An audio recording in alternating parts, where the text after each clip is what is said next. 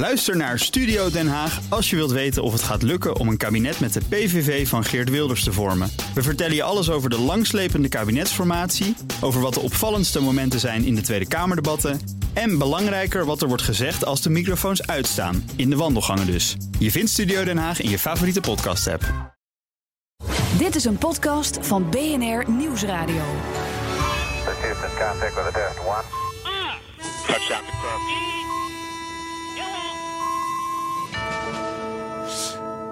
Space Cowboys is brought to you by people like you on Patreon. And who knows, maybe alien supporters too. Herbert, welcome Hey. to the second show. Yeah, welcome to you too. Yeah, welcome back, everybody. Welcome to, back to Space Cowboys, where we explore the desert we call our universe.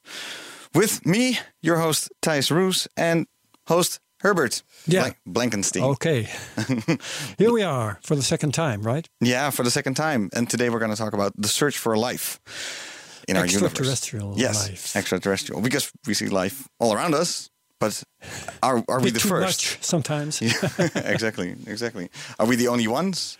Um, That's right. or are, do we come from a genesis somewhere else? Whoa. And, and we're going to talk to Inge Loes ten Katen, Astronomer, astrobiologist. astrobiologist. That's better. Okay. That's better. Welcome. Thank you. Welcome. That is a new term, astrobiologist. I, I, did it did it exist 20, 30 years ago as a Um, field? Well, 30 years not, 20 years just about. Yeah. Yeah. And you are with Utrecht University. Yes. indeed. Utrecht Utrecht University. for those English-speaking people. Yes, but before we're going to talk about uh, the uh, the search for life with you, uh, we're first going to talk about our story of the week. We all Yep. bring our own story to the table. Herbert, Who's first? You I'm- are, yes. I'm first. Okay. Well, my story of the week is about a YouTube ch- channel that I like very much. It's called Everyday Astronaut. ah, love him. Yeah, uh, the Tim his Dodd. second name is Todd. Oh, sorry, Dodd. Dodd, Tim Dodd. Okay, thank you. Yeah. Um, what what what I like very much is his recent sub series, and it's called um, "Cancelled Abandoned Space Hardware," and he has two episodes so far uh, about abandoned space hardware, about projects that were started, sometimes even flew test flights, but never went on to fu- fulfill their actual purpose. Uh, example: uh, the Buran space shuttle from Russia. Buran. B U R A N, Buran. Uh, they had a space shuttle. They had an actual space shuttle. It flew. It did one test flight flawlessly. Oh, yeah, I've seen pictures of It I've was a seen a picture perfect of it flight. once. yeah. And then uh, the wall fell. The, the they had this uh, uh, political uh, turnaround, and there was no money for uh, real uh, space flight development anymore. And the Buran was shelved. Wow. You can imagine a space shuttle on a shelf. No, of course, it went into a hangar somewhere. It only flew once. I thought It I, only I, I flew have heard of of a Russian space uh, shuttle program. I thought Yeah. it was more. Wow. No, no, no. It's You're right. really. Yeah? And um, the hangar even collapsed on the actual Buran spacecraft that was shelved there. Mm-hmm. And now there's only one. Um, it's not a mock-up, but it's a, a- Prototype. A, a prototype. That's Oh, the yeah. word, um, which never flew. And this specimen was visited by uh, Dutch um, uh, vodcasters. Uh, but that's quite a different story. Yeah, exactly. Uh, and Tim Tim Dodd also just did a story on it. he did a story on that. Um, lots of other abandoned space hardware projects, very interesting. And I think there are more episodes coming up. So go there Yeah. to his channel, Everyday Astronaut on YouTube. Yeah, I love him. He he's Yeah. always front and center when there's there, when there's anything. Yeah, uh, the story I saw, uh, somebody else who was always front and center, Elon Musk. I saw his new uh, his new design for the Starship. Um, Oh, wow. a, a complete '50s retro uh, looking. Have you seen it, Inge Loes? haven't. Oh, it's insane! It's Gives me insane. Tintin associations. Yeah, right? totally. New new new Tintin Starship. That's that's what you can Google for. I think Elon Musk. It's um And he tweeted, he tweeted that, right? yeah. He tweeted a picture Yeah. because somebody I think somebody saw um uh, Oh, really? yeah Oh, a wow. part of it. See That's it? hilarious. It's beautiful.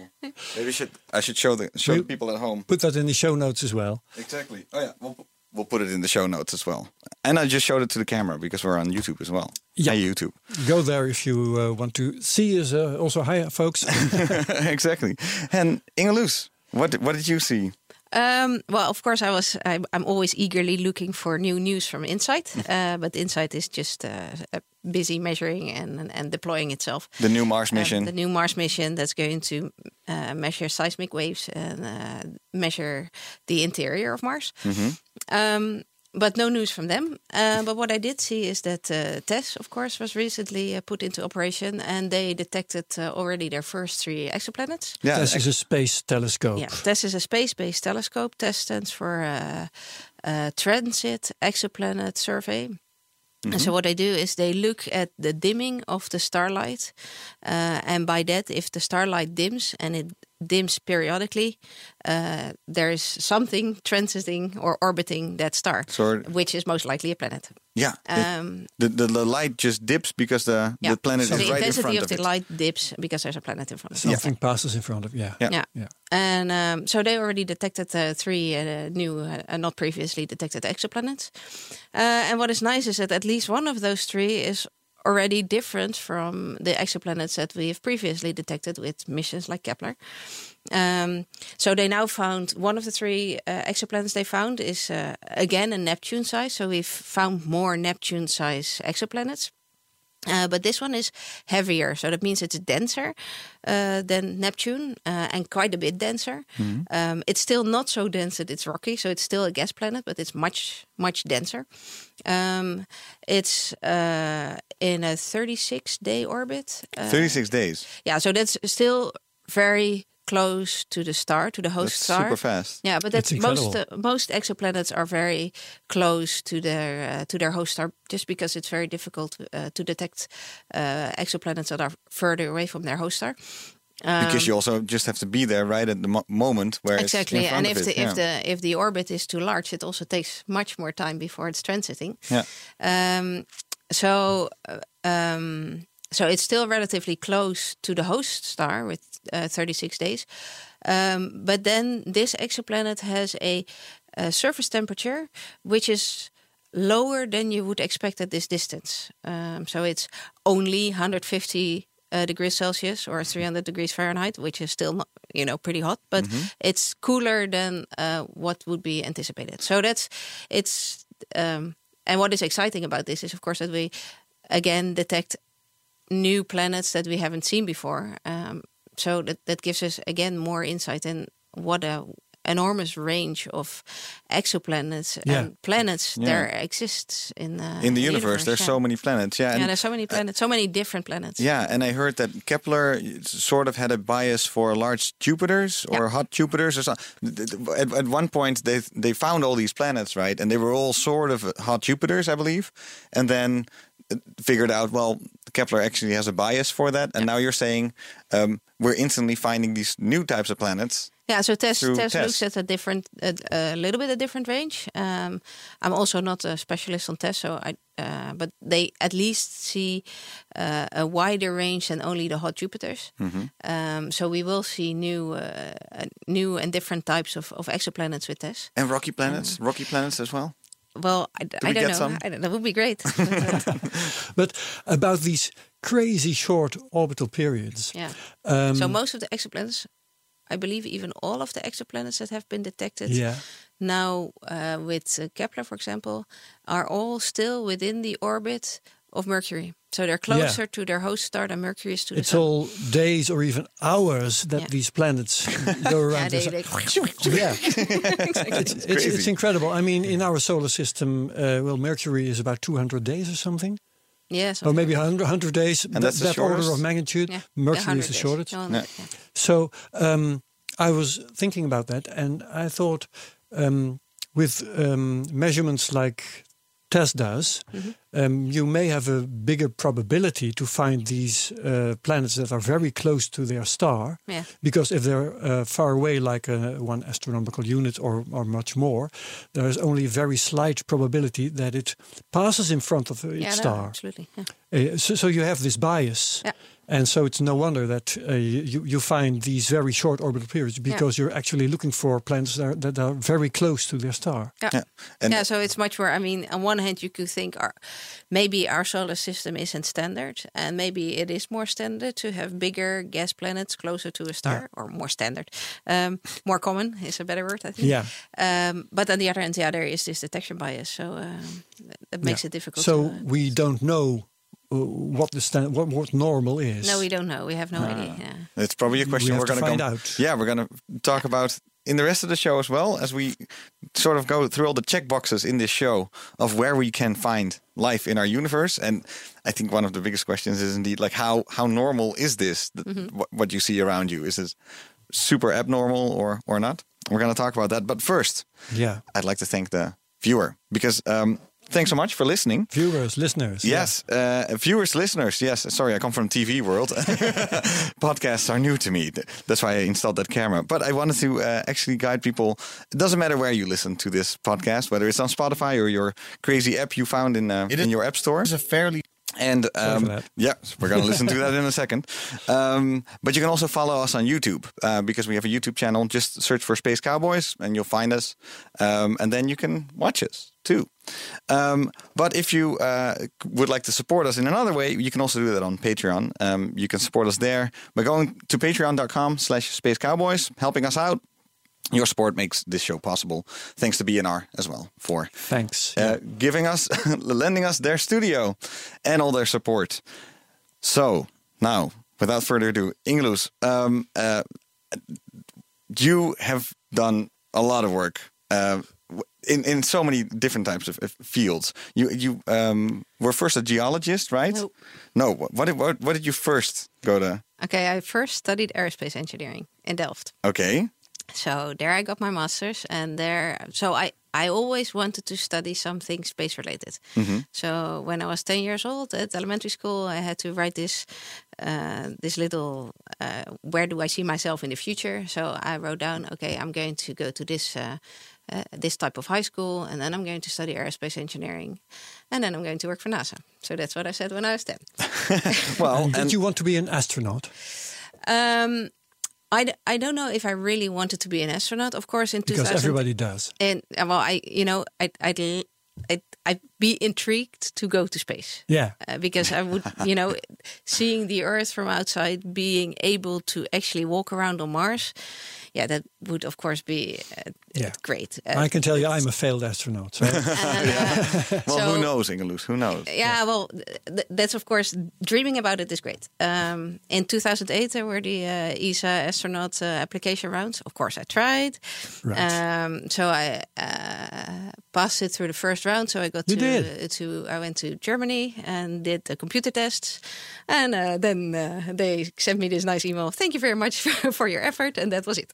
Oh, well, okay, you passed the first hurdle. But, That's you- but, something. but but your career is still. I mean, today, uh, just just to go- to uh, fast forward to the end, like you already said, nowadays um, you're a senior researcher and, and assistant professor at U- Utrecht University. You're also the co-chair on the board of the Origins Institute, yes, center. Yeah. and you worked for uh, for years for uh, NASA's Goddard Space Flight Center Yes. in Maryland. Yeah. Yes, and so what were you doing there? Um, so after I got my PhD here in astronomy, um, so in my PhD I studied um, uh, organic compounds and how stable they were on the surface of Mars.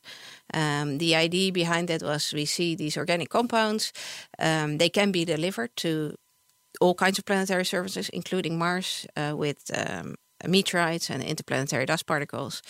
Um, and are those organic compounds, when they get to that surface, are they stable enough? And could they then be involved in further organic reactions, um, be a source of nutrients for uh, life, or maybe starting material for origin of life? Um, so any that that was kind of the bigger question behind it so I studied this the stability of these organic compounds, and um, when I was done with my PhD, I indeed moved to to NASA, and there I worked on an instrument called the Sample Analysis of Mars instrument, um, and on three different other spin-offs of that instrument. But all the instruments, these instruments were focused on uh, detecting uh, these kind of organic or a wide range of organic compounds on the Martian surface. So the sample analysis at Mars instrument is currently uh, happily driving around on the surface of Mars on board of the Curiosity rover. Awesome. Mhm. awesome. And, uh, You're, and you're, on, you're on Mars a little bit. I'm on Mars a little bit. um, and then uh, with that, we also uh, developed a smaller spin-off instrument uh, for potential use, um, and a portable instrument even for potential use by astronauts uh, when going to the moon. Um, so there was a little bit of work. That instrument is currently, uh, um, well, part of it has been developed, and currently it's shelved. So it would Oh, abandoned hardware. abandoned hardware. Now it was not that far in the development yet, but you know it's, it's one of those things that you develop, and then uh, when there is an opportunity, you start developing it further. Um, But what, what, what was the answer to the question? Where, was it possible for these uh, molecules to be used as maybe a, a life source or well, that's uh, that's all. The uh, we haven't solved that question at all. So that's also partly what I'm still working on in Utrecht. Um, uh, so what you see is the molecules that I looked at, and those were amino acids um, on the surface of Mars under the current day um, conditions. If you really look at the surface surface, mm, they're pretty quickly destroyed by UV, and um, so you wouldn't see these kinds of organic compounds stable and and uh, sustaining long, very long on the surface of Mars. So they will probably be destroyed in hours to days. oh yeah okay Um, but of course, amino acids are not the only organic compounds. And of the other thing, of course, if you're on Mars, if you're a little bit in the subsurface, so uh, if you're even a, po- a couple millimeters under the surface, UV already doesn't really have much of an effect okay you can have still uh, uh, some chemistry going on. So you can have um, uh, uh, oxidation. Uh, you can have uh, photocatalysis, where uh, your mineral actually activates your of your your UV radiation activates the mineral, and then the mineral acts as a catalyst, and that can spur reactions with your organic compounds. Uh, so that can also below the surface. Uh, not too far below the surface, but have a little bit of an effect. So you can have Um, some chemistry under the surface because if I can ask what do you need for life what do you Well, if, if we're um, looking for, if we're looking for Mars what do you need what are we looking for what are we looking for water I always hear yeah Uh, well, you need an energy source. an energy source the sun is would that well, count yeah, but you can also have a uh, pH gradient. okay Or, uh, for example, on Mars, uh, what you see, especially now with Curiosity, you nicely see that uh, Curiosity drills, but uh, Mm-hmm. only about six centimeters. But you already see that the surface of Mars is red. And if you go only a few millimeters even under the surface, uh, it's gray. So But- you have an oxidation gradient. so gray the planet. surface is uh, the surface is very rusted. the red planet is secretly gray It's, yeah, I'm so bummed for some reason That's news. yes that's news that's news. That'll be our headline. Mars turns out to be very gray, red on the outside, gray on the inside. Okay, so uh, so energy, water, energy, Yeah. and Um, well, phew, uh, you need some nutrients, of course. nutrients. Yeah, something for Nutrients to, to, and- to, to live off of. Yeah, and then to you make have protein, elements. or something. Uh, so you have five, five, six elements: uh, carbon, hydrogen, oxygen, nitrogen, phosphorus, and sulfur. Mm-hmm. So those are the all elements that life is built up from. But of course, Life life, as needs we know it. life exactly like Life as we know it. Okay, yeah. And um, uh, So again, then ca- water, carbon. You, you nee, na- not water, hydrogen. Sorry, yeah. yeah. Oh yeah, so you need hi- This water. is about but you chemical need- No, so so and then car- the chemical elements. Sorry, hydrogen. Yeah. I, said, I said it wrong. Hydrogen. yeah, carbon, hydrogen, nitrogen, oxygen, phosphorus, sulfur. sulfur. Yeah. So those are the six basic elements you need. Yeah. But then you know you need more elements because you also need uh, magnesium and iron and sodium and well, there's a whole range of other uh, elements that you need in addition to those For complex life, or for even for for simple life. for simple life. too. Even for simple life, Yeah, you need yeah, those yeah. things. Yeah. Okay. And so, how's Mars looking so far? It's 2019 now. Well, where, where so are we? far, if uh, um, oh, um, you could imagine that there are locations on Mars. Um, if we, what we saw with Curiosity, for example, in the area where Curiosity is doing its research, uh, around 3.6, 3.8 billion years ago, uh, the conditions were much more um, well, friendly for life as we know it. Uh, there was liquid water. Um, so that means uh, there was an atmosphere uh, to keep the temperature up enough. Because if there's uh, if your temperature too low, your water is not liquid, uh, and your if your atmosphere is not sufficiently den- dense, uh, your water will evaporate. So the atmosphere was at least dense enough to keep you to keep the temperature warm enough and uh, uh, to keep the water from evaporating. Um, so we've also seen at locations there that that water had a neutral pH, so it was not very acidic uh, or very basic. Um, and also at some at some locations because we already saw before with for example uh, opportunity and spirit they found also locations where liquid water was present um, there it was much saltier and here we think it was uh, fresh maybe a bit briny uh, but very much towards the fresh side so not super salty uh, that is most life as we know it uses fresh water and not very salty water um, Well, So those- life life in the oceans. yeah, but I mean, you have you, there there are halophiles that that live in conditions with a very high salt concentration, Mm-hmm. and um, if you give them too little salt, they don't work.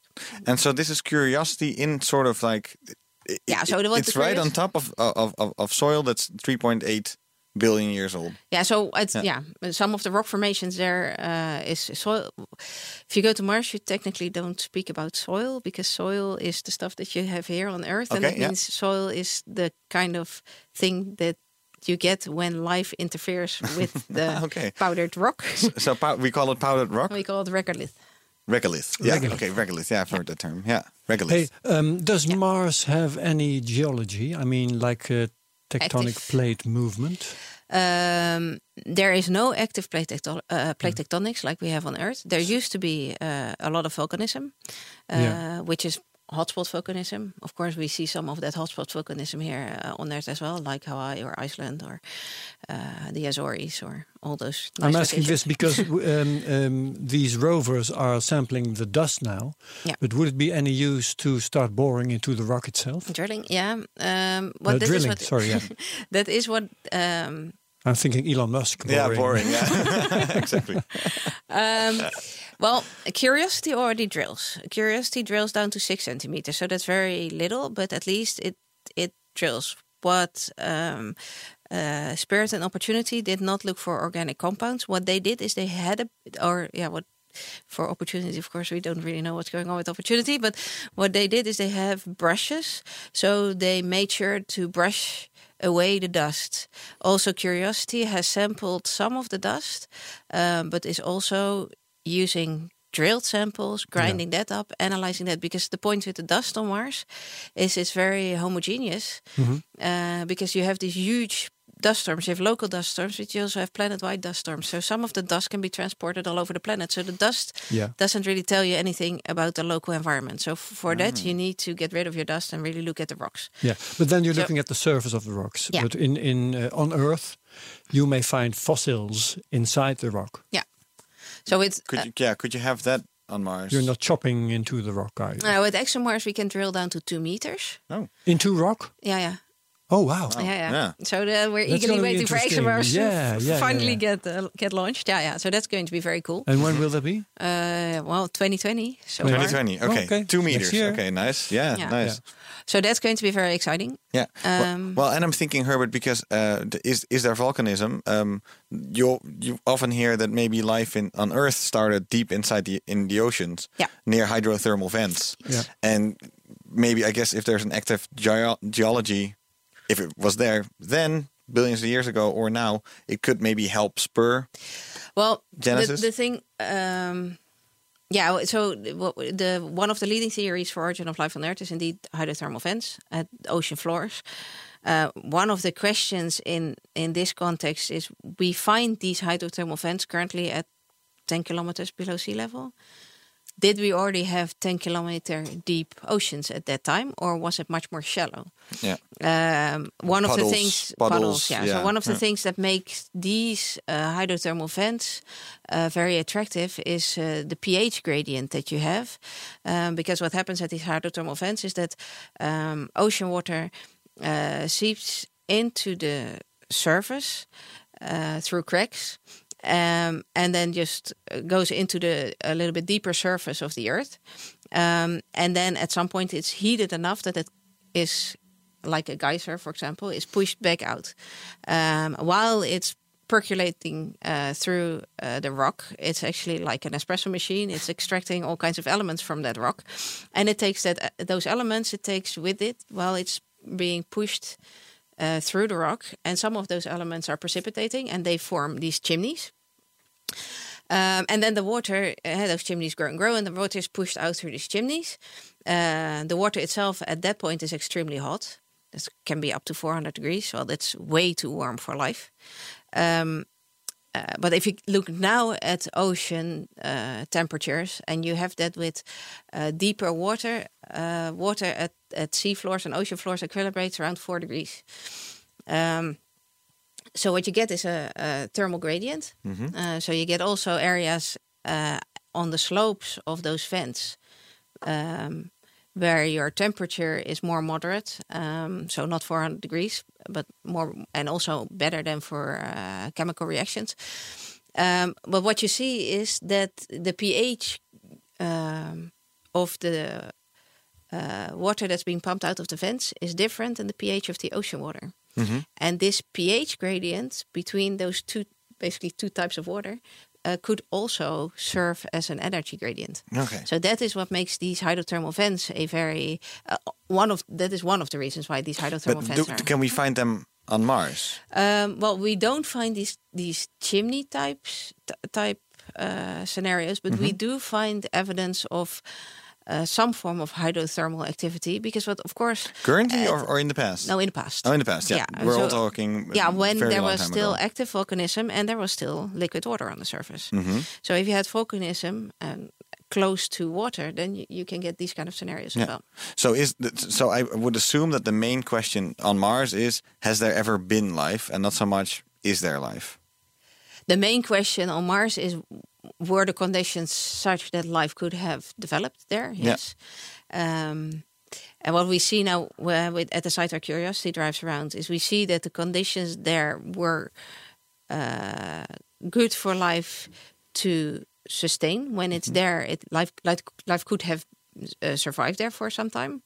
The question is, of course, w- did life ever arise there? Um, And is it maybe still tucked away? Well, and, the, the- and then of course, then the you get to the next Yeah. step. I mean, if it if it did originate, Mm-hmm. uh, there were episodes on Mars where life could have uh, thrived, um, and then the question is, if there was life ever, could that life have adapted to uh, the changing environment on Present Mars? environment. Yeah. Yeah. And then, yeah, of course, and then, of, and then the thing is, Mars lost the majority of its atmosphere. So now we have seven millibar, and it, it might even have been up to a bar. Uh, it always has been predominantly CO two. Um, so you always had more UV radiation than we have on Earth because now. Ah, yeah. But on the early Earth, we also did not have an ozone layer because in order to get an ozone layer, Yeah. you need more oxygen, and that you Came know from that life. took. And Mars Yeah. is further from the sun uh, anyway, so Yeah, so it's always cooler. yeah, cooler and less UV, Uh, either less strong UV, but less in the need for protection. Uh, probably yes, but you still have those short wavelength range Yeah, ranges. yeah. And uh, so you need more. You need. You need. So so it's it's quickly if you have a different atmosphere. If you have no, on uh, Mars. what I'm trying to say, if Yeah. you have no protection, there would still be some chance for life to evolve. yeah, yeah. Even because then.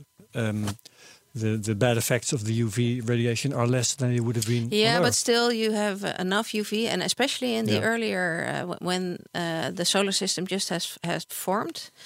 Um, the sun put out more UV relative to uh, the rest of its uh, Oh, spectrum, so? and Right. um, uh, which, uh, or that's at least what we think right now. Um, um, so there, uh, there, there would have been uh, quite a bit of UV, and maybe it is uh, less intense.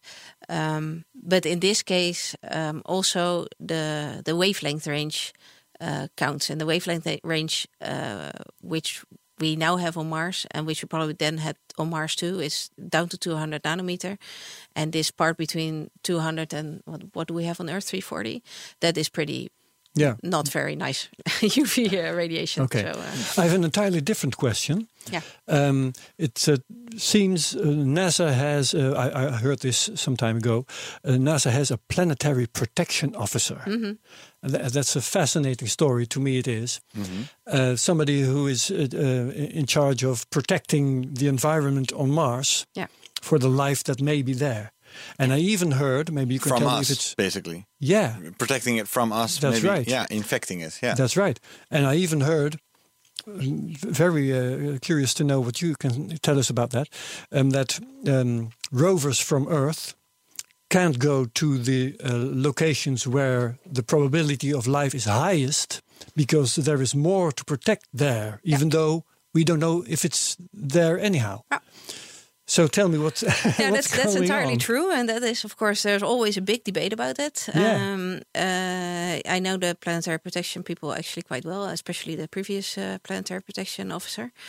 Um, the, it's a difficult job to be in um, because you have Yeah. always, on one hand, you want to protect the planet uh, both ways. You don't want to bring back stuff from somewhere else that could be uh, dangerous to the Earth, and a lot of people say, "Well, there's no life, and what will it do?"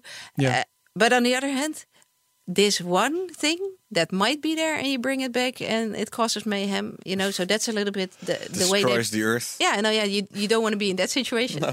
Um, so that is the, the this way. uh, But that can't be an But it- issue because we know that um, um, rocks from Mars have reached the Earth in the past. yeah, so we haven't They found turned up, anything. uh, uh, uh, turned up on the on uh, Antarctica. Yeah, yeah, yeah. So we have uh, Martian meteorites with nothing in there. So that you know, you don't know. Uh, No. But you also. Uh, But they actually have the authority to uh, tell the rovers to stay away from this region and that well, that, that's of course the point with this. A planetary protection. Uh, NASA has a planetary protection officer. ESA has a planetary protection officer.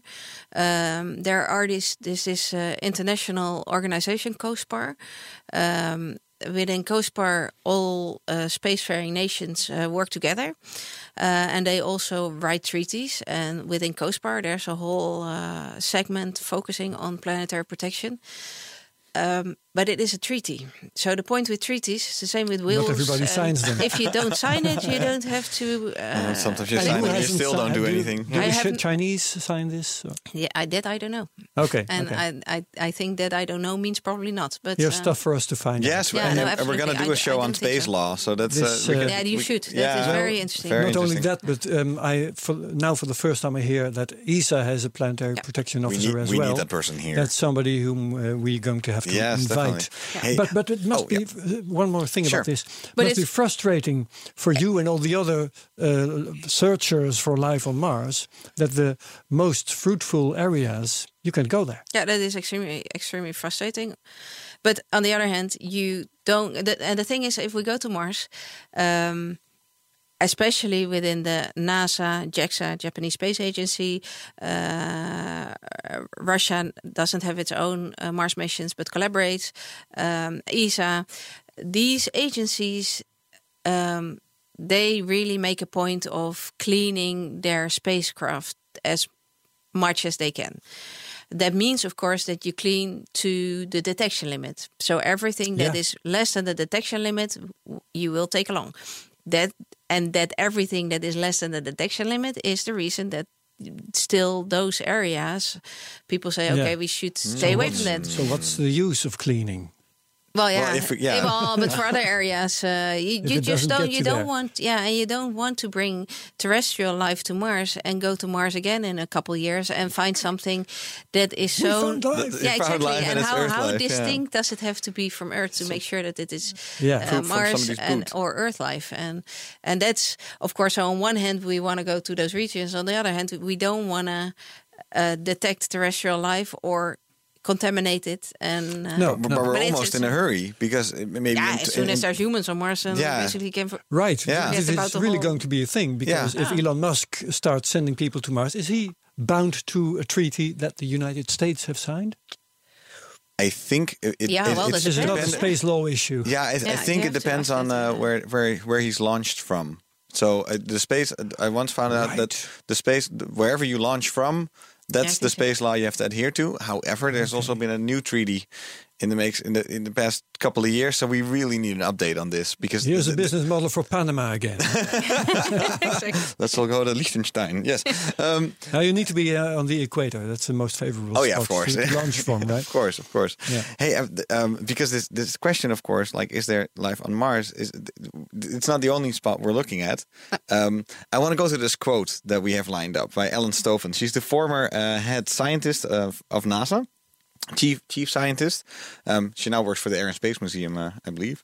Um, but she said something really wild uh, two or three years ago. I think she's actually the director of the air space She's the director Yeah, now. I think so. Really? Yeah. Oh, that's aw- that's an awesome new gig. Yeah, yeah. I mean, yes. If you're the chief scientist of NASA, then of course you can do anything you want.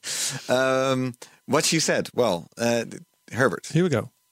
Well, I'm going to go out a little bit on a limb here, and I'm I'm going to say I, I think we're going to have strong indications of life beyond Earth within a decade, um, a- and, I think we're going to have definitive evidence within 10, 20 to 30 years. We we know where to look, we know how to look. In most cases, we have the technology, um, and we're on a path to implementing it. It's it's that's it's it's a wild statement. Oh, absolutely. Um, we know where to look and we know how to look. C- can you enlighten us? What what what is she talking about? Is she right? And is she right? how do we all feel about this? Uh, well, and, and we're two years in also, so we Yeah, exactly. eight, eight years down. We have eight years for strong indications. Yeah, exactly. Yeah. Um, well, eight years. Uh, I think that is highly optimistic. I um, I don't know if I'm as optimistic as she is. Um, but um, what we see is, of course, now um, not only with the detection of more exoplanets, because it's great that we have all those exoplanets, but we we're not going to detect life there in the next 10 15 years uh, because we just ha- don't have the capability yet to detect signs Yeah. biosignatures We're on simply those too planets far off. we're too far off there, but Yeah. that doesn't matter. I mean, eventually, what we see now with all these developments that we have with all the Earth-based and space-based telescopes, you need to go through these rounds of technology development, and Yeah. so we will get there. You are convinced someday we just have to look at some faraway exoplanet and decide, okay, there must be life there. Well, at least we will get more and more information about the composition of the atmospheres, and Yeah. move through that um, uh, composition of the planets again. Um, and but while we're working on this, we will also start understanding more of those planetary systems because also in the last twenty years we have accumulated a lot of knowledge about our own solar system. Um, geysers on Europa, geysers on Enceladus. We've done uh, very exciting detections of uh, the water to deuterium ratio, but also organics in those geysers of Enceladus, for Yeah, example. th- those are the, the, the icy the icy moons icy around other planets. Yeah, I, I would first like to talk about uh, the, the exoplanets because I I um I, I went As to opposed to uh, moons of Saturn. Yes, let's talk about that in Yeah. a little bit. Okay, Uh, sure. the the first measuring those atmospheres. We, we already talked about exoplanets, right? How you can detect them. Uh, and now Lisa Kaltenegger from the Carl Sagan Institute in uh, Ithaca in Oh, uh, yeah, New York yeah, at yeah. Cornell. Um, she also she told me I once visited there, and she told me about you know this this this idea that you can not only measure uh, that there is an exoplanet, but you can subtract the difference between the light from the inside of the exoplanet from the outside, and you can get some sort of like signature um, of the atmosphere of that exoplanet. Even with the James Webb Telescope, she said, and James Webb is launching. Who knows when James Webb Webb Telescope is launching?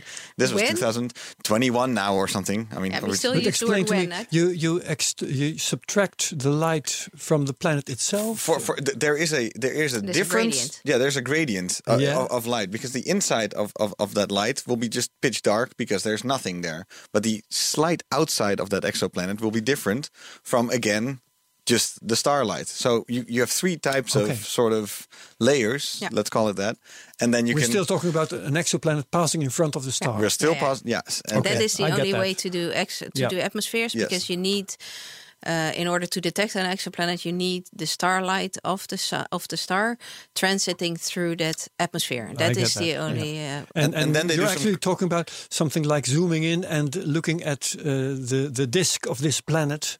Yes, yes, that's that's just super there super that small. They do some crazy science right then, and then you can figure yeah, out James the Webb, uh, yeah, we will be able to or uh, measure or detect atmospheres. Yeah. and also probably measure at least the compounds with the strongest signature, which of course do not have necessarily to be the majority of that atmosphere, because some compounds have a better signature, even though they are only a few percent, while uh, a compound that may make up eighty percent of the atmosphere, if that doesn't have a signature in the It's harder to find. Ah, yeah, okay, you, you, that's- that's so still you you you only see you can only see the compounds that are have a signature in the wavelength range that you're Mm-hmm. looking. But at least with that, you can have a feel for okay, these compounds are at least in the atmosphere. yeah. and And, then she wanted to match them to um, atmospheres of the Earth uh, back in the day. So she was. They are now building a database of how the Earth looked Okay. uh, throughout the ages, Mm-hmm. um, and then sort of hoping that one day they will be able to match some sort of signature that they find Here we have on an, an Earth exoplanet. like it was three And- billion years yes, ago. that Here was we the have an Earth. Earth like it was two billion years ago. Exactly, and this is what the the conditions were, so we can study the Earth at that specific moment, match it to that exoplanet, and then find That's out. wild. It's super wild. it's super wild, and uh, but but s- so she she said that the James Webb Telescope would help her, would start to help her out, but Yeah, that yeah. doesn't that doesn't necessarily mean that we will be able to detect life instantly. no, that way. no, no, okay. no, no. And Oh, and the thing bad. is that yeah, that's very I'm, bad. I'm bummed But- again. Another disappointment. no, that no. What it will tell us is which compounds are present in that atmosphere. Um, compounds by itself don't necessarily uh, say something about uh, life being present or not. Or many will say not life present, but um, uh, and of course, again, then we're looking at life as we don't know it. But what you should be looking for is is there some disequilibrium in this atmosphere? Um, Because it's it it's, doesn't it's not necess- supposed to be that way, sort of. Exactly. Yeah. And uh, so it's not necessarily the composition of the compounds, but also the ratio of different compounds and whether they're in equilibrium or in disequilibrium. Because if there's a Okay. disequilibrium, what is then So causing you this have, disequilibrium? if you have some composition that uh, shouldn't be like that because there should be chemical reactions changing it, Yeah. then you have an indication that there's life present, keeping it in this improbable state. Yeah, uh, uh, if you can, yeah, then you have an indication that there is a process. One of those processes Something could there. be life. Yeah. Yeah. And, and then would we have to go there to to to make How- sure? Would we have to go there? Yeah, would we have to literally like send something Or have Well, them you come visit know. I mean, or, or and send them an invite, like come over, we party at Earth. Yes. Yeah, but that's of course, you know, um, uh, sending something there. Um, sure. I'm talking in uh, twenty thousand years, you know, time frames. I'm not talking Yeah, about our exactly, life. yeah. No, but I mean, but it- do you this, do, uh, can we can we make sure that just by basically radio Can you be sure astronomy without going there? without That's the going there, can we be sure that it's there? Well, the the, the thing, the question is, how sensitive can we make? Uh, how how good will we get at? Um, I think especially analyzing atmospheres because we're anything else we will not be able to see because you have always have this overwhelming signal signal of your star. So hmm. whether there is liquid water present on the surface is something that we're with our current technology and also I think with the next at least the next line of development we will not be able Or to see. beautiful green forests, Yeah, I don't or think uh, uh, builded areas. no, I don't not think gonna happen. Not now, at least not not now. And you, you don't. I mean, whatever is developed in the future. Uh, but right now, that is something that we're not going to be capable of. So right No. now, we're really relying on the composition of the atmosphere, and then, of course, the other circumstantial evidence. So composition of the star, temperature of the star, how far is that planet? Is it a rocky planet or a gas planet? So we need we're looking for rocky planets. Um, is what is the distance of this rocky planet from its host star? Because from that distance we can infer um, the temperature of the host star. Um, if well, if we know that there's an atmosphere, that's a positive thing because that without an atmosphere, there will never be liquid It water. helps. Yeah. Well, So I- you uh, need an look- atmo- for in, in order to have liquid water on the surface, you need an atmosphere. It, yeah, and the planet So- needs to be in what they call the habitable zone. But I do believe that the habitable zone is being stretched wider and wider because Well, that's that's the thing with the habitable zone, right? But the habitable zone defines at which distance of a star, uh, and that distance again varies with the temperature of the star. But at which distance of a certain star, a planet would be able to have liquid water on the surface, sustained liquid water for uh, thousands, hundred thousands, maybe even millions of years, on its surface. So that if and and that will require an atmosphere because even if the temperature is so nice, if there's no atmosphere, all the water will just evaporate in the vacuum. Yeah. So so that and that is basically what the habitable zone. But the habitable zone is, yeah, right now really only for surface criteria because if you want to make the bridge already. If we look at our own solar system, of Hey. course, hey, we have back to um, our own solar system. we Yes. have the icy moons. Yeah. Well, before we go there, um, we still don't want to talk about that. About no no about this habitable zone. Um, it's it's it's about surface. It's about but it's also about temperature, right? Mm-hmm. Um, what what would the um, temperature range uh, be, in your opinion, that allows for life? You mean qua, uh, you mean surface temperature or you need Um, solar? yeah, well, no, yes, uh, temperature, not not solar temperature, but temperature uh, on the surface of the planet. Yeah, where Oh. where, where life. Uh, Ooh, that's a good question. Where, I- where I- the I'm life not, has to Um, live. Well, uh, I mean, I, I mean, I, I hear I don't think temperatures it like should be.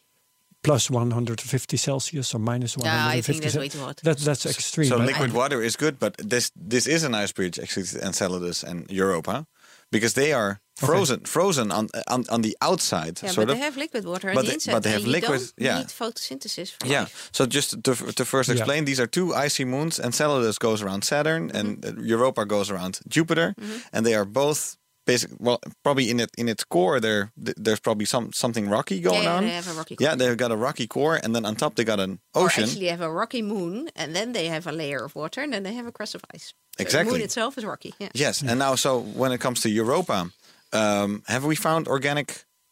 I, for material? Europa, I don't. I Think don't think so. because we never, we didn't have the the equipment to do so. Mm-hmm. But of course, for uh, Enceladus, they could. With Yes. Yeah. Um, Cassini flow, flew through one of the plumes of the. So Enceladus has geysers, Yeah, right? One of yeah. the big finds of of and of of uh, of Cassini was that um, Enceladus has geysers, and uh, they flew it through one of those plumes, and they found uh, some basic materials already coming. Yep. Up from the underwater ocean. Yeah. For some reason, everybody always talks about Europa. It's like, let's go to Europa. There's a Europa Clipper mission coming up. And Enceladus seems to be like we have more science that uh, Yeah, in order yeah, to go yeah. there. So it's, it's, it's, And it's actually a better straight, candidate. It's Enceladus just- is one of Saturn's moons, Yes. and Europa. Uh, Europa is Yeah. one of Jupiter's moons. and they both Yeah. have a mission coming. I think Europa Clipper is trying to figure out if we it need another one, and then Enceladus has an Enceladus Life Finder mission, but they're not being. We're still waiting for funding for both of them, I believe. Yeah, uh, but of course, uh, Europe has a JUICE mission, and that is the Jupiter uh, system, and Mm-hmm. uh, they will go and look again at Europa. You, you're kidding? What? But when- I'm not entirely su- the sure. Juice mission, you said? JUICE, yes. Yes. Okay. And so what? I Would, don't know if they will do Jupiter flybys. I should know, but are, are these right now? I'm gonna look. Is that juice as in Jupiter apple? Icy Moons Explorer, the first large, first first large class mission in ESA's Cosmic Vision. Hey, it's ESA 2022. yeah, yeah it's, ESA 2022. It's ESA. And does I'm that involve a ladder? No, Because okay, No. no, it's an orbiter, but it's um, it's an ESA mission, Mm-hmm. and uh, and now uh, the US is coming with Clipper, but I don't know how. Um, there's no launch date for Clipper yet. And, No. um, And I mean, the, the instruments have been selected and they're working on it. But and uh, and these are actually the best best we have maybe right in our solar system to go. Yeah. and take a look at. would you say life on Europa or Enceladus is more probable than life on Mars? Um, well, if we look at uh, if you look at the origin of life in the hydrothermal vent scenario, then uh, those two uh, settings look very promising. Yeah. Um, because you can imagine that that you have a similar scenario there, and uh, you don't need um, uh, you don't need sunlight or photosynthesis for light. Um, so there will be a way. The question is, how evolved is it? Um, but if if life Wow, has that already sounds like you're fairly convinced. no, no, but if something life if life has started there, um, from what we know, um, those planets have or those moons have not evolved uh, tremendously. Mhm. Um, after this this ocean You and mean the crust geologically, uh, geologically no they- it's not that they had an episode where they had an ice crust and liquid water and then all was gone and then they retained Okay. another ocean Like happened to Mars with the atmosphere and the thing vanishing. of Mars, of course, and, is and it's- Earth, uh, snowball Earth. We've Yeah, been a uh, snowball as yeah. well. Yeah. Yeah, but Earth, yeah, but also Earth, yeah, there has been through great episodes, but not so dramatically as Mars. Oh yeah. Okay. And so Enceladus and Europa, it's impossible that there was once uh, an atmosphere there, and it's maybe too small for an atmosphere, right? But why would you? You don't necessarily. You need. Or what we think is you need liquid water. hmm Also because you um, you need some kind of a solvent for your chemical elements to do some of the chemistry. Yeah. I mean, I mean, it's it's not just like molecules that are somewhere attached to a rock and then somehow migrate to each other and start reacting, yeah. right? You need you need some solvent. Yes. Water is a very good solvent for these kind of reactions, especially if you look at organics, because a lot of the organic compounds also easily dissolve in water. Um, and uh, we're looking for carbon-based life, also because carbon is the most is, is a very versatile element, and especially if you look in our solar system, it's the most plausible element to base your life on. Yeah.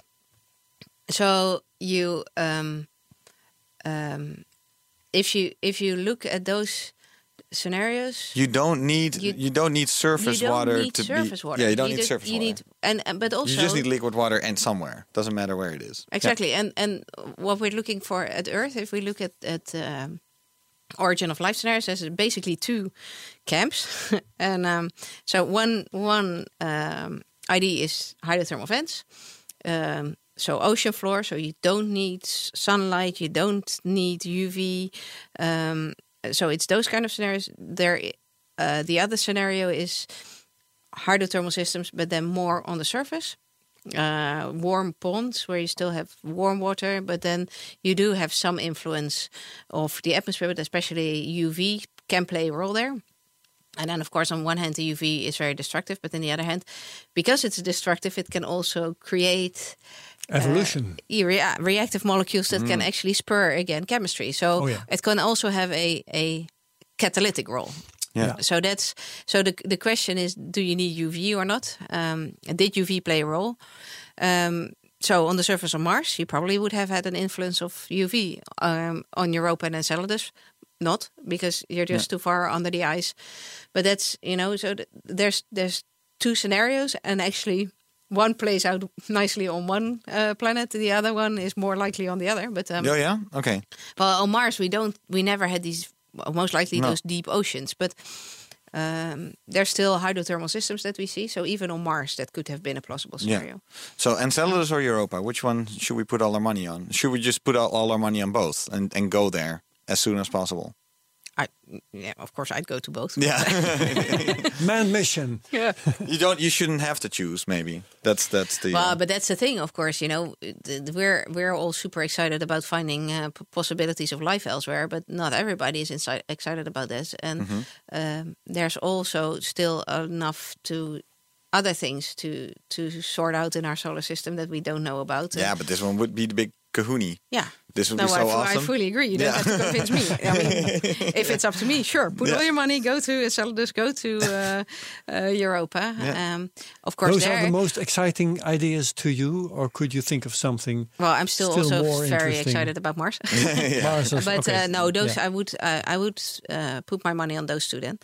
Um, but of course, there again, planetary protection. Yeah. Um, because you want to drill into a unknown ocean. So um, Yeah. Oh yeah, good luck But with that with is the planetary. I mean, Yeah. Can, you- can I can I give one more crazy scenario? sure. Okay, what if a meteorite hits uh, the North or South Pole, or just any any any moment in um, the Earth's history, Yeah. flips up a, a chunk of ice, has life, could it have infected Enceladus or uh, From Europa Earth? already? Yeah, just like we find Mars meteorites here. Yeah, but it's the same, same have? counts for Mars. Mhm. Um, what is the chance of finding terrestrial meteorites on Mars Yeah. or even Enceladus? So you have to travel against the gravity field of the sun. For us to travel to Mars, we actually have to do orbital corrections because um, if you go in the in the least energy, uh, or the most energy efficient, so the least energy using orbit, Mhm. you go into this transfer orbit. If you stay in that transfer orbit, then uh, you fly past Mars. So you have to make orbital corrections in order to get to Mars. Yeah. So how do you kick off something from the Earth with so much energy that you actually uh, accelerates it into an outward bound? So you you accelerate it from the Earth away towards Yeah. outside Okay. the solar system. I'll put it under highly unlikely. You need and then from, from escape Earth velocity. Yeah, yeah, exactly, from exactly. Earth From towards Earth, uh, Enceladus. Enceladus or or uh, Europa, you have to travel through the uh, asteroid belt Mm-hmm. Yeah. and uh, No, okay. I- H- How how how thick is that uh, ice crust on Enceladus and and or Europa? seven to ten kilometers. Seven to ten kilometers. Yeah, so our our ice sheet uh, on the North Pole is about three. Three. The thick, at the thickest, I think. At the, so we okay. That's so some first somebody operation. Yeah. So some yeah, well, exactly. So what do you do? Do you drill? a- no, you autonomous want actually, drilling machine No, you something. don't want to drill. I We're think going to have to send Elon Musk himself. Yeah. I- what you want is you want some melting probe. So you want to Yeah. melt slowly, melt through the ice. Um, and then with some tether, with a lot of, uh, um, strength. And eh, but rope. also uh, data cables. okay. Yeah. So while you're melting, you have your melting probe full of sensors. So while you're melting, you're doing your analyses and you're sending your data up. Maybe there's some sensors on the. Meanwhile, you're going to have to make sure the ice doesn't freeze back above you. Exactly. This is some so you have to have a heated tether and a heated melting probe, Gee, and that that has. What are the planetary uh, protectors gonna say about a melting Well, device? uh, that's fine as long as you're right. I mean, you you you, Well, you hotter melt. You melt. You, melt straight through the ET. local, ET, yeah. Exactly, you mess up the local And his environment, but uh, self-sterilizing melting device. exactly. Oh wow. Wow. Yeah. No. It, it. It. But it's. It's. It's. It seems like something that we But can so at least far, do. I We've done- just I just heard nobody's going to land there Nobody's gonna land there. so far uh, for the time being. No, no, no, no. no. So there, yeah, of course, with uh, Enceladus, uh, people are uh, putting together a mission, um, but uh, it's. I don't think it has even been proposed officially. And uh, Wow. With Enceladus, it's been. Um, I happen to yeah. know that um, it, they submitted it for. There is a sort of NASA crazy, the NASA crazy program. Yeah. Program. It's it's sort of like they have a they have one. uh, I, I forgot what the title is, Yeah. but there's a um, there's a there's a project where one mission that's sort of like a far far out mission. What so to speak. totally hopeless project can Well, we do? no, we don't have any money. Let's that we would like to fund them all, all of them, but we have to pick one because it's Yeah. always a money thing. Yeah. Yeah. And then they submitted it for this one, and then uh, it, it didn't go through, and it was it was something else. I'll put it in the show notes as well, like which one did go through, because I, in the end, I, I I was talking to Jonathan Lunine, who Mm-hmm. who who, um, who shaped this whole mission. He was the head scientist, I believe, on the mission. Oh, I bet, Uh, yeah. uh, yeah, and and Enceladus Life Finder, and it's and it just sounded so like so far advanced already. Like we flew through this plume, we have this evidence of organic material there. Let's go, let's go. Yeah. Like why wait? And and and it's crazy to me that I haven't even seen it being part of like a public debate or anything. Um, it's it's just sort of tucked tucked away there uh, in Yeah. his head. And uh, No, no, there's one, one should. thing. It may be my fault, but um, uh, maybe I haven't picked it up. What signs of life uh, is a mission to Enceladus or Europa going to look for? If you don't land, what are you going to look for? Well, if you don't land, you can only um, look at the plumes. Well, you can do uh, surface. Uh, And, and look, look at the chemicals in. Uh, yeah, you can you can look at what what's and the coming out of the plumes, and uh, well, there's the exosphere, um, and well, you, yeah, you can analyze the surface, but um, so yeah, if if there's plenty of life, do we see any any of that in the ice? Even even you know seven or ten kilometers above where the life is actually interfering with this ice crust. Um, but of course, eventually, this ice crust, it, some of it is evaporating away. So I don't know how it it will grow from the bottom, most Yeah. likely. So Yeah. um, so I, I, but apart from that, I don't think from the surface we're going to see much. No, no, no. no. No, So, uh, uh, and then uh, I'm, I'm, we're slowly moving towards the end, and I'm, I'm there's this one question, I guess, and which is completely a fingers crossed question. It's we are we are all sort of like three different generations. We're, we're sort of the same age. You how, how I'm me, not sure. I'm Like, 60. Six, you're 60. Yeah. Will you see? Will, what do you think? Will you see? Will it happen in your lifetime? Um, personally, I don't think so. I, of course, I hope I will, Mm-hmm. but I think the chances are slim. And us, Inge Loes? Uh, I think it um, it uh, requires a mindset and a money set, and uh, but uh, yeah, I think in our lifetime, uh, our biggest chance is um, either look at some of the regions on Mars um, and go to the both ice, icy moons in our solar system. Uh, for uh, exoplanet detection, I think uh, for that to be really to really come with well if, if ever to really come with some some good estimates of probability um, i think the first missions that can do that may only fly in 20 years from now So Okay, Right, we, well. 20 years. so we we I'll may be 60. I'll be, I'll be, dead, and buried, I'll be dead and buried then. Oh, But yeah. I, I, I can uh, clarify my answer, I think, because for me to witness uh, the finding of life somewhere uh, outside Earth, it has to be there in the first place, Yeah. like on Mars, and, and those chances are slim to begin with. And then it has to be found yeah no as well. absolutely absolutely And for it to be found, there has to be a mission which has to be paid, etc., etc., Yeah. and has uh, ca- cannot fail because it can. If, if it fails, we still don't find anything. Mm-hmm. So there's lots of problems, even if there is life. Yeah. Uh, th- th- uh, that No, might absolutely, yeah. So, yeah. cause you not finding it. Yeah, exactly. The- Imagine this James Webb telescope blowing up when it's launched. oh Well, I, I'm, I'm, I constantly have nightmares about that. I Or just see it launch on three, two, one, and then just. poof. or have its Just- optics turn out wrong. Yes, I mean just like Hubble being just blurry right when it's there. You know, I don't know. A lot, of, a lot, a lot of things can go wrong. So, but what, what's your personal outlook? I think it, it, it- for, for some reason I have a feeling that before my deathbed I will. Yes, You will? Yes, I will. For some reason I think that, but that's I hope that's just do. me.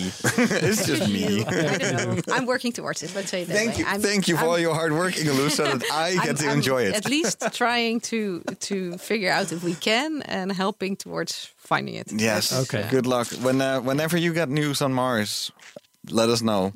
So we're ending on a hopeful note. Yes. Yes. Thank, Thank you all. Thank you, Inge Loes ten Kate, astrobiologist at Utrecht University. Thank you, Thijs Roes. And thank you so much, Herbert. Okay, thank me too. this has been the second episode of Space Cowboys, Yes. And the thank podcast. you, uh, listener and Yeah. viewer. thank you guys, and see you next time around. See Bye. you next time. Bye. Bye.